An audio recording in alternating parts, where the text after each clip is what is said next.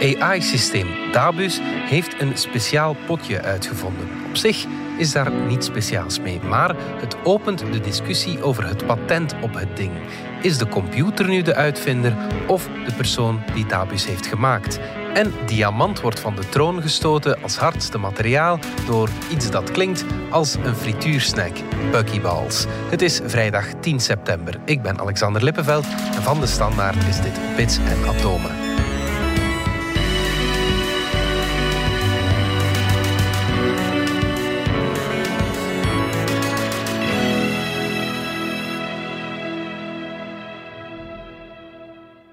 Dominique, een computer heeft een potje uitgevonden.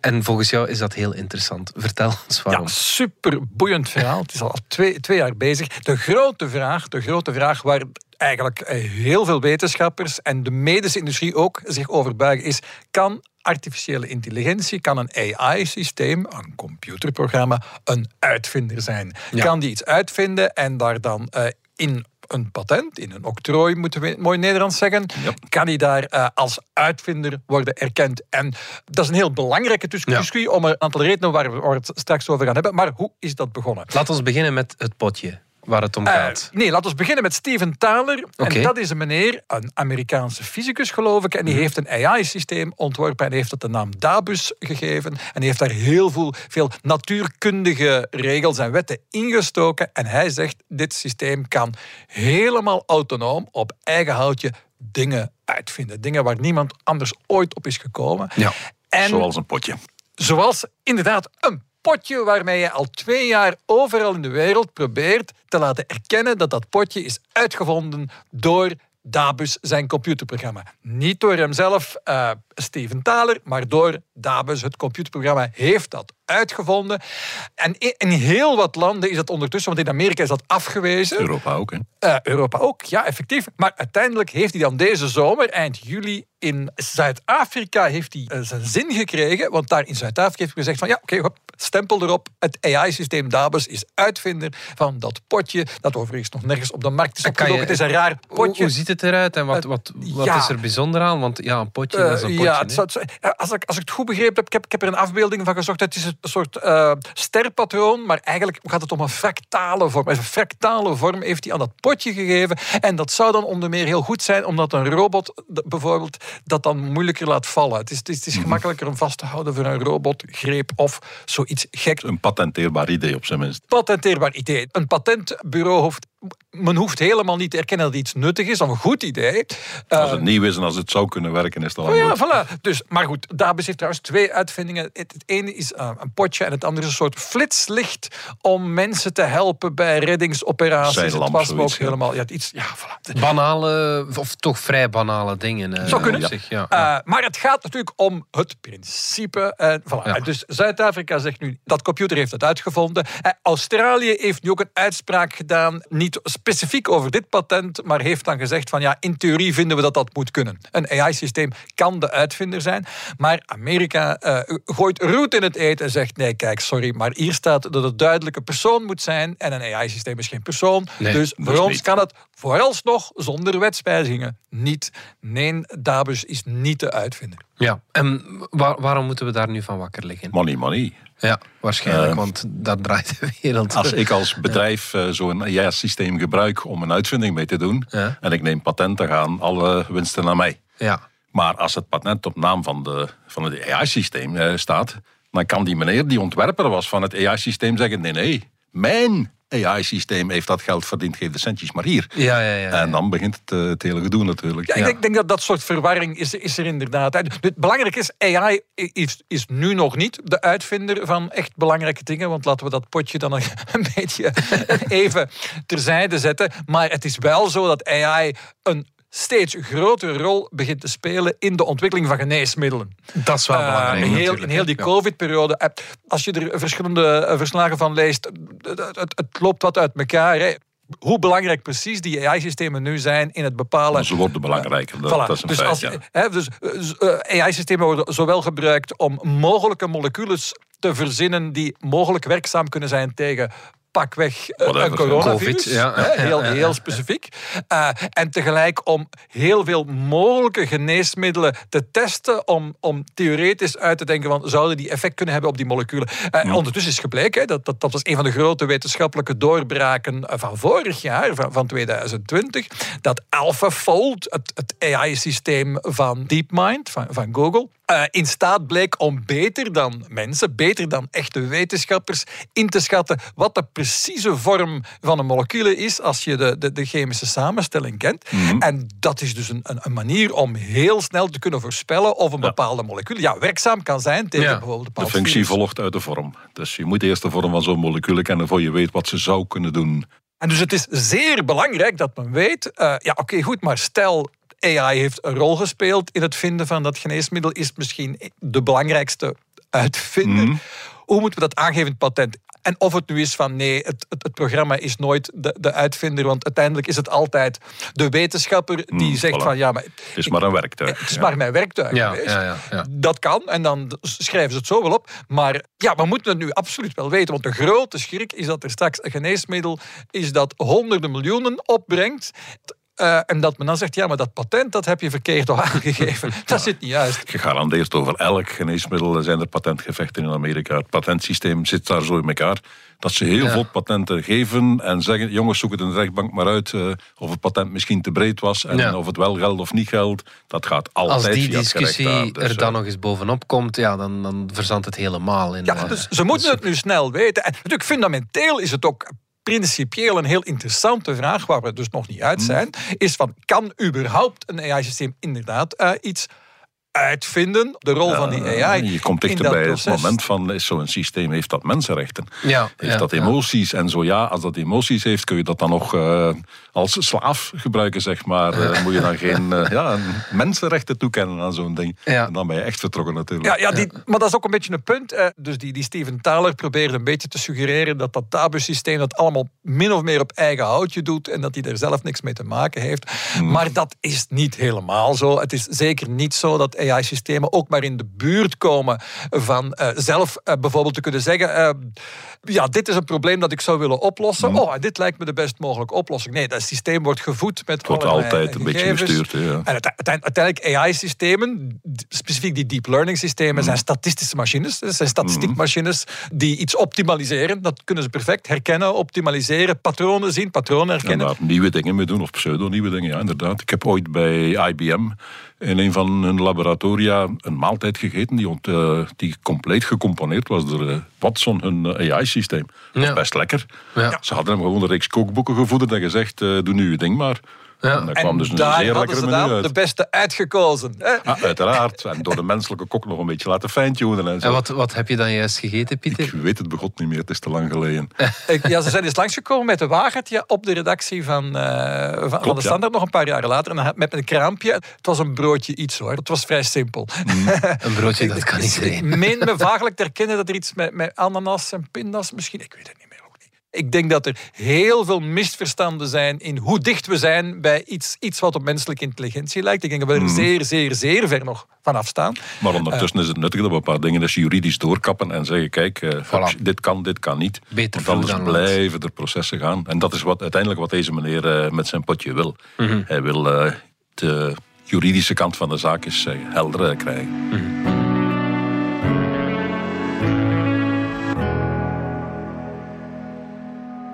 Pieter, het is algemeen bekend dat diamant het hardste materiaal Mhm. is op, ja, de dat we natuur, kennen ja. in de natuur. Maar dat is niet langer zo. Eh, nee, de buckyballs hebben nu eindelijk ook diamant eh, voorbijgestoken. De buckyballs. Ja, Ja, ja, mooi woord. Niet uit de Moeten we eerst even eh, terug in de geschiedenis. Ergens in de jaren 80 is er een totaal nieuwe vorm van koolstof ontdekt. Ondertussen noemen we die buckyballs. Ja? Ehm, er is een andere naam eh, die lang in de running geweest is, is voetballeen. Ja. Voetballeen in het Engels. Ah, ja. Eh buckyballs Dat is een vorm van de- koolstof die eruit ziet als zoals een voetbal. Ja, ja, ja. 60 koolstofatomen gerangschikt in een bolvorm. ja. En een beetje zoals de klassieke leren voetbal. eh, dat zijn allemaal veel hoeken, vijf hoeken en zes hoeken bij de, bij Ja. de voetbal. Ja. Die netjes naar elkaar genaaid zijn en het totaal is een bol. Ja. Dit is hier ook zo, alleen was het hier met eh, drie hoekjes. En een structuur om met zo weinig mogelijk uh, staal en zoveel mogelijk glas allerhande vormen te kunnen bedenken, Ja. is ontwikkeld door een meneer Buckminster Fuller, een architect. Bucky. En vandaar Bucky. Ja. En dus het waren ronde dingen in dit geval Bucky Balls. Ja, oké. Koolstof 60. Zeg Pieter, maar ik herinner me dat, dat van die buckyballs al tientallen jaren geleden dat er zo'n opwinding over Oh, ja, was. En het is dan lang stil geweest erover. Ja. Eh, eerst en vooral een, een totaal nieuwe vorm van koolstof. Dat was op zich al eh, schitterend. Nadien hebben ze ontdekt dat die dingen eh, ook eh, in buisvorm konden staan. Dus dat je in plaats van er bolletjes mee te maken, dat je er ook buisjes kon mee rollen. En die hadden weer enorme treksterkte. De, dat zou sterker zijn dan staal en zo verder. Toen hebben ze ook ontdekt dat die dingen halfgeleidend waren. Precies, Dus dus heel de computers Silicon Valley Watch Ja, is ja, daarop tuurlijk. gedoken. Trouwens, hier in eh, Leuven, in iMac, hebben ze jaren onderzoek gedaan op die buckyball en hun halfgeleider-eigenschappen voor zonnecellen. Ja, oké. Je stuurt er licht op af, dat slaat elektronen los uit die buckyballs. Die elektronen gaan eh, jouw leidingen en je maakt elektriciteit. Ja, ja, ja. Ehm, het Een leuke was dat buckyballs ja. dicht bij silicium zaten in het gemak waarmee ze elektronen kunnen afgeven als er licht op valt ja. de band gap, zoals het dan heet eh, onder onze jongens eh, chemici. Voor silicium is die 1,2. Voor buckyballs is die 1,5 en wat hoger. En dat hoe wil lager zeggen- de, Ja. die bandcap, hoe leuker. Dus het was niet zo leuk als silicium, maar toch leuk genoeg. Enfin, ze hebben er lang onderzoek op gedaan en uiteindelijk gezegd... jongens, laat maar, Mhm. het is te onpraktisch. Het, het is toch niet zo leuk als silicium. Ja, dat, dat, is, dat is precies eigenlijk wat met een aantal van die, van die, van die dingen met, met die buckyballs uiteindelijk eh, gebeurd is. Het is uiteindelijk nog niet zoveel van gekomen. Nee, het is, eh, het is relatief stil daar rond. Het is nog steeds leuk om onderzoek op te doen, maar in de praktijk zijn er nog... Ik ken er geen enkele praktische toepassing van. ja. Maar dit is er misschien wel een. Eh, ik vrees ervoor. Wat ze nu gedaan hebben, is ze hebben die buckyballs ten eerste verhit tot boven de 1000 graden. Dat is warm. Dat is warm en al niet zeer praktisch. En dan hebben ze nog eens zware druk opgezet.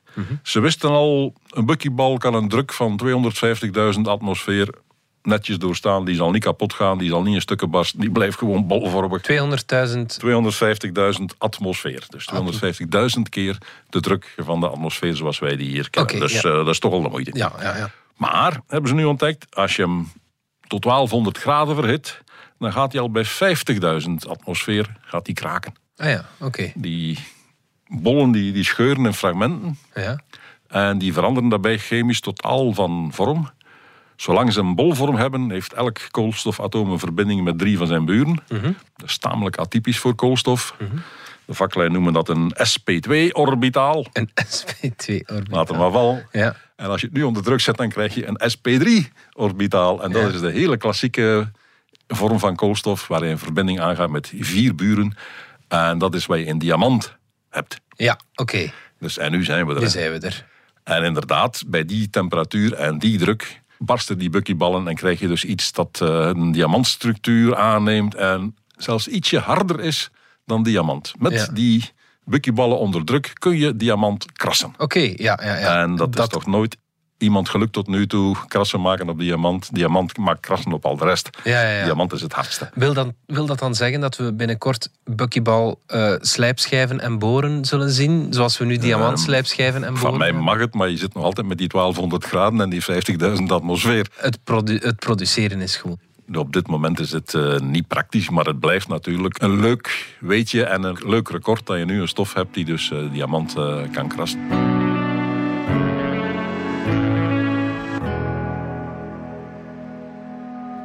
Dominique, Salman Rushdie, die kennen we vooral van de duivelsversen en andere boeken. Maar nu zit hij ook op het internet. Hij heeft een nieuwsbrief. Ja, precies. Eh, Salman Rushdie is een nieuwsbrief begonnen op, eh, op Substack. En dat is een nogal hip platform. En ja, dat is natuurlijk interessant voor literatuurfans, maar ook technologiefans die Substack de hippe nieuwe manier vonden om een publiek te bereiken als schrijver, als broodschrijver. Ja, die zijn nu ook opgewonden dat, dat, dat ze nu Salman Rushdie onder de hunne mogen eh, tellen.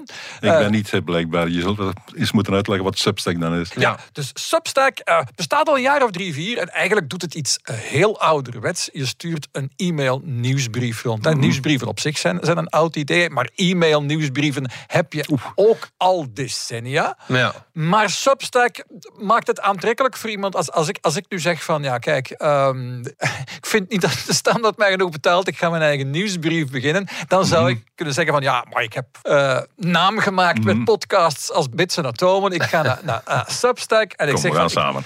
Voilà, of we kunnen het samen doen. Hè, voilà. Pieter en Dominique samen. eh, We doen een Substack. En dan kunnen we zeggen van kijk, wij zijn zo'n grote namen geworden. We gaan zelf een nieuwsbrief uitsturen en we laten mensen daar een abonnement op pakken. En Substack zegt dan, doe dat dan bij ons. We helpen wel een beetje bij de promotie, maar vooral wij doen het versturen van die nieuwsbrief. Mhm. Dus Moet je geen zorgen over ja. maken. En de financiële afhandeling. En al dat wij dan nemen is eh, zo'n 10% van de opbrengst. Ja. nog Dus- mee. Apple vraagt meer. Precies, dus het is een zeer bescheiden eh, bijdrage dat ze vragen.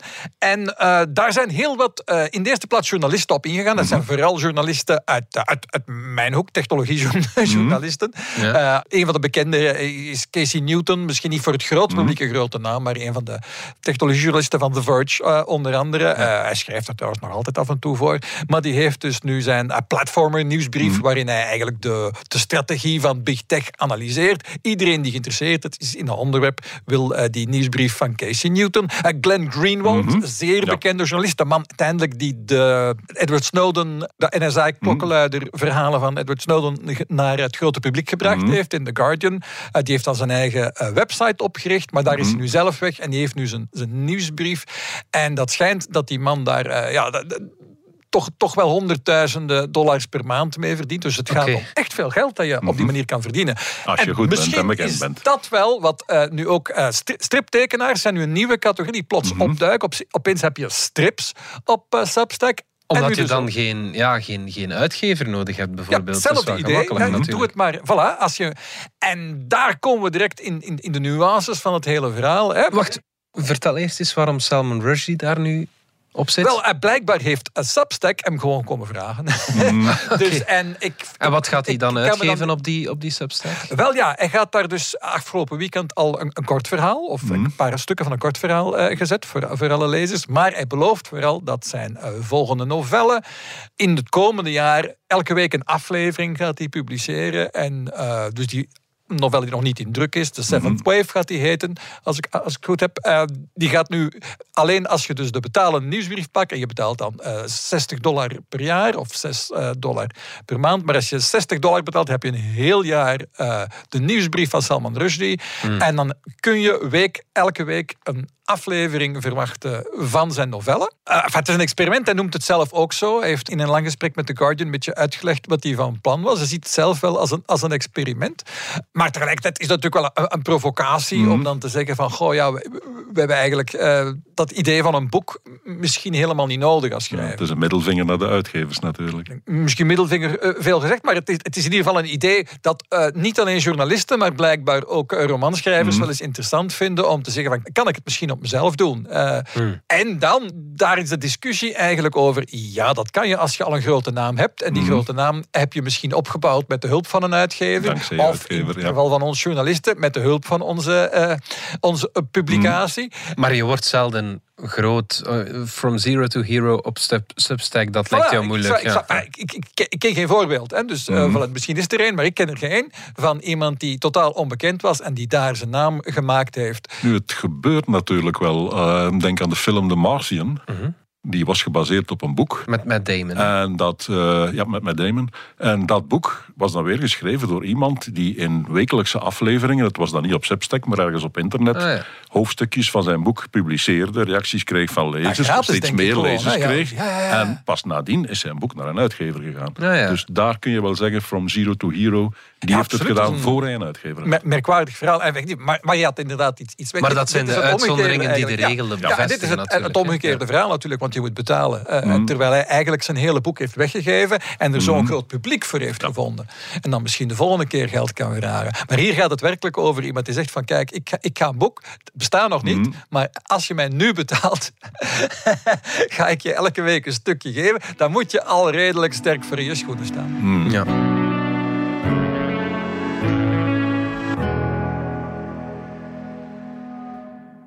Pieter, Bruce Willis deed het al in Armageddon. Mhm. Wij nu ook. We gaan planetoïden kapot schieten. Ja, nuke them. Ja.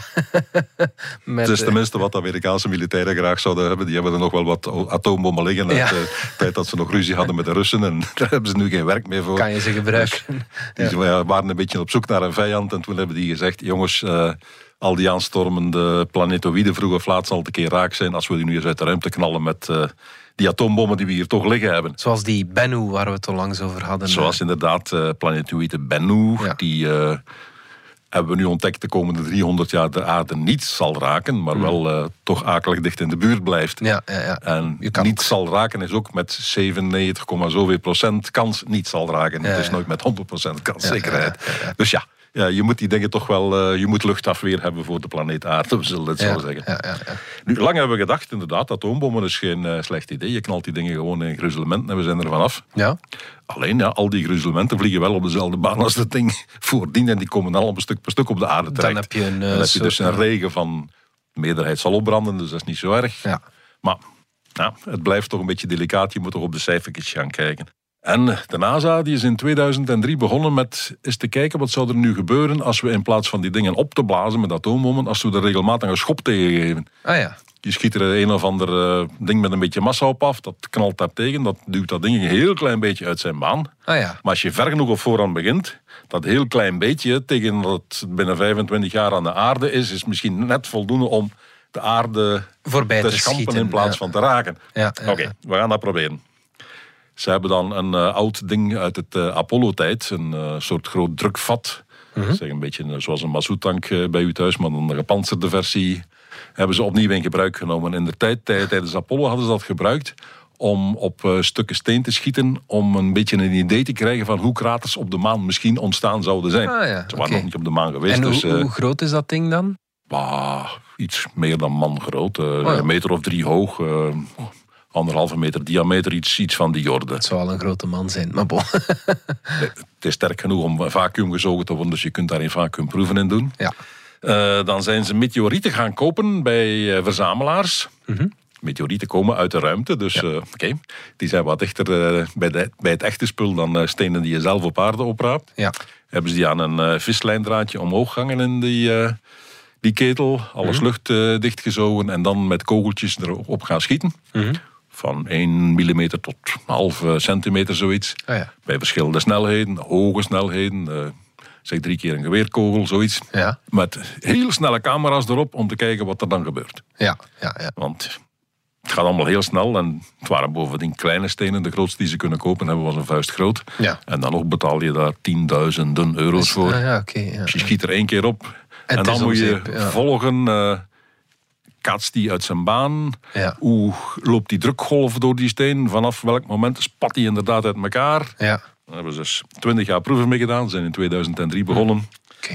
En nu, deze week, op de meeting van de Meteor Meteorolo Meteorol oh, jongens, Meteorological Society Ja, dat is niet gemakkelijk. in Chicago, Ja. hebben ze de resultaten bekendgemaakt. En het blijkt dat je in veel gevallen eigenlijk beter bent met er een tik tegen te geven dan om het echt kapot te knallen. Ah ja, oké. Ja, ja, ja. Zeggen ze bij de NASA. Ja. Op basis van steentjes van die groter dan een vuist. Ja. En in vacuüm, luchtledig, maar niet in gewichtloosheid. Dat is nog iets anders natuurlijk, ja. Dus volgende stap. Nu in oktober willen ze een satelliet lanceren. DART Ja. heet die. Dat is Engels voor pijltje. Ja.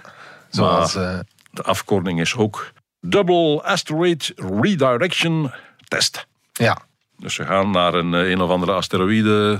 Dimorphos heet die. Mhm. Gaan ze naartoe vliegen. Dat ding is verder onschadelijk. Mhm. Maar redelijk klein, dus daar kunnen ze wel baas. Ja. En gaan ze tegenop knallen en zien wat de gevolgen zijn. Ja, ja, ja. Dat is dan wel in het luchtledige, dus ze zullen alweer wat eh, meer weten. Zwaartekrachtloos bedoel je? ja, zwaartekrachtloos, ja. Ja. Dus ergens tussen de baan van Mars en Jupiter eh, zweven die dingen rond. Dus daar gaan ze er eentje Ja. goed tegenaan knallen. En dat dat gaat gefilmd worden, hoop ik dan. Ik, ik er wel is zien. dus een tweede satelliet ook, ja. eh, met een camera aan boord die het eh, spektakel dan filmt. en het ding zelf heeft uiteraard ook een camera. Terwijl het nadert, eh, zie je dus eh, live wat er gebeurt. Ja. Gaan we kijken. En Ja. dan gaan we kijken en dan zullen we alweer eh, meer weten. Hè. ja. Ondertussen de militairen die zeggen: nee, nee, nee, nee, nee, kernbommen, jongens. Want ja, ze hebben die nog liggen. Dus. hebben die nog liggen. Dus het eh, Livermore eh, laboratorium Een typisch wapenlaboratorium van het Amerikaanse leger samen met uh, de luchtmacht. Mhm. En met een beetje hulp van MIT. Ja. Die zijn aan het onderzoeken geweest. Als je nu eens in plaats van die kernbom zo dicht te laten ontploffen. dat het hele spel in eh, stukken en brokken uiteenspat. Mhm. Als je het nu eens zo doet en je gebruikt een neutronenbom nog liever. dan je een deel van die eh, steen verdampt. Ah, ja. Dan ga je gassen krijgen. En heb je gewoon een raket gemaakt. Ah ja. Die gassen, eh, het vergaste deel Dan van de steen. die steen weg. eh, duwt de rest van de steen weg. Maar voor en het- bovendien zeggen ze, dat, moet je, dat kun je niet alleen voor stenen doen, maar dat kun je ook voor een, eh, een vliegende hoop grind, zoals Bennu eigenlijk is. Dat is allemaal losse stukken die half en Ah, ja, half aan elkaar hangen. Ja. Dus als je daar een schop tegen geeft, gebeurt er niet veel. Als je een schop geeft tegen een kei, rolt die weg. Als je een schop geeft in een grindhoop, gebeurt er niks. Nee, nee, nee. Dus zeggen ze, maar zo'n grindhoop, als wij daar voldoende gas kunnen uithalen, duwt dat die hele grindhoop weg. Dus misschien is ons voorstel toch nog wel beter. Ja, ja, ja. Ja, wordt vervolgd. Goed. Zeg maar, gaan die kernraketten eh, dan gewoon kunnen hergebruikt worden? Want dat zijn dan intercontinentale raketten. Mhm. Raken die eigenlijk wel eh, de ruimte in? Wel, een intercontinentale raket raakt altijd de ruimte in. Die, gaat, eh, die wordt omhoog geschoten en gaat met een lop, met een boogje en valt dan terug. Maar ze gaat wel de ruimte in. Ja. Je moet alleen zorgen dat ze dan niet met een boogje terugvalt, maar dat ze rechtdoor blijft vliegen. Dus Ah, ja. je zou het met bestaande raketten kunnen doen. Er zal wel een beetje prutswerk aan zijn, je zult een beetje moeten bijsturen, maar dat zou moeten kunnen. En ja, zeker als je straks met neutronenbommen gaat werken, die hebben we ook nog liggen. Hè. En dan kom je uiteindelijk eh, bij Stanley Kubrick eh, terecht. Ondertitel van een van zijn films was... How Welkom. I Learned to Stop Pieter Worrying Karsten, dank and Love wel. the Bomb. Dr. Strangelove. Is Strangelove, ja.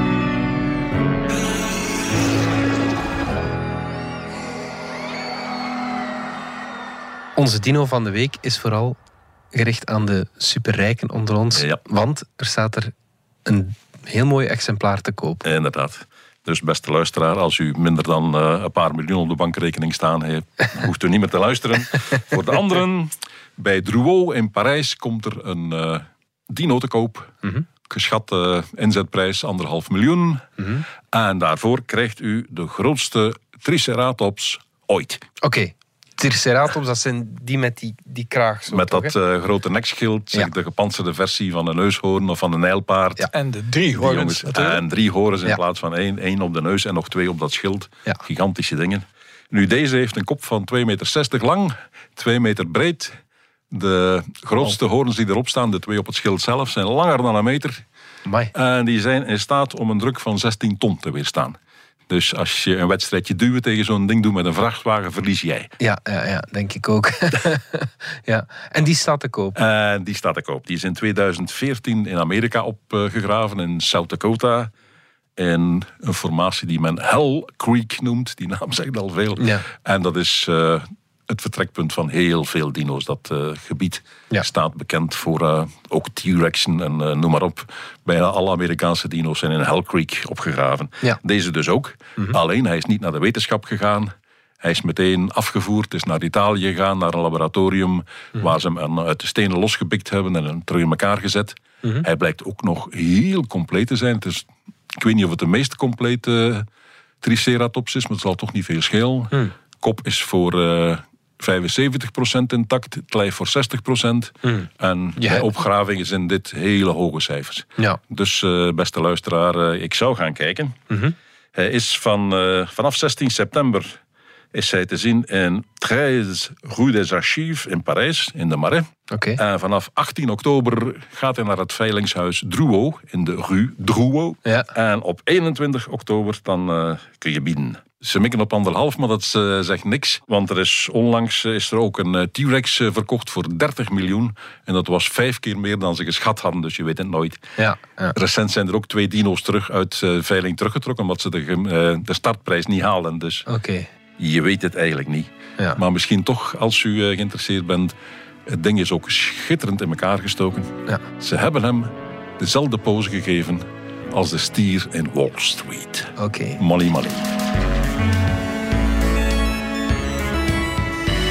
Dit was Bits en Atomen. Bedankt voor het luisteren. Reageren kan via podcast.standaard.be. Alle credits vind je op standaard.be-podcast. Tot volgende week.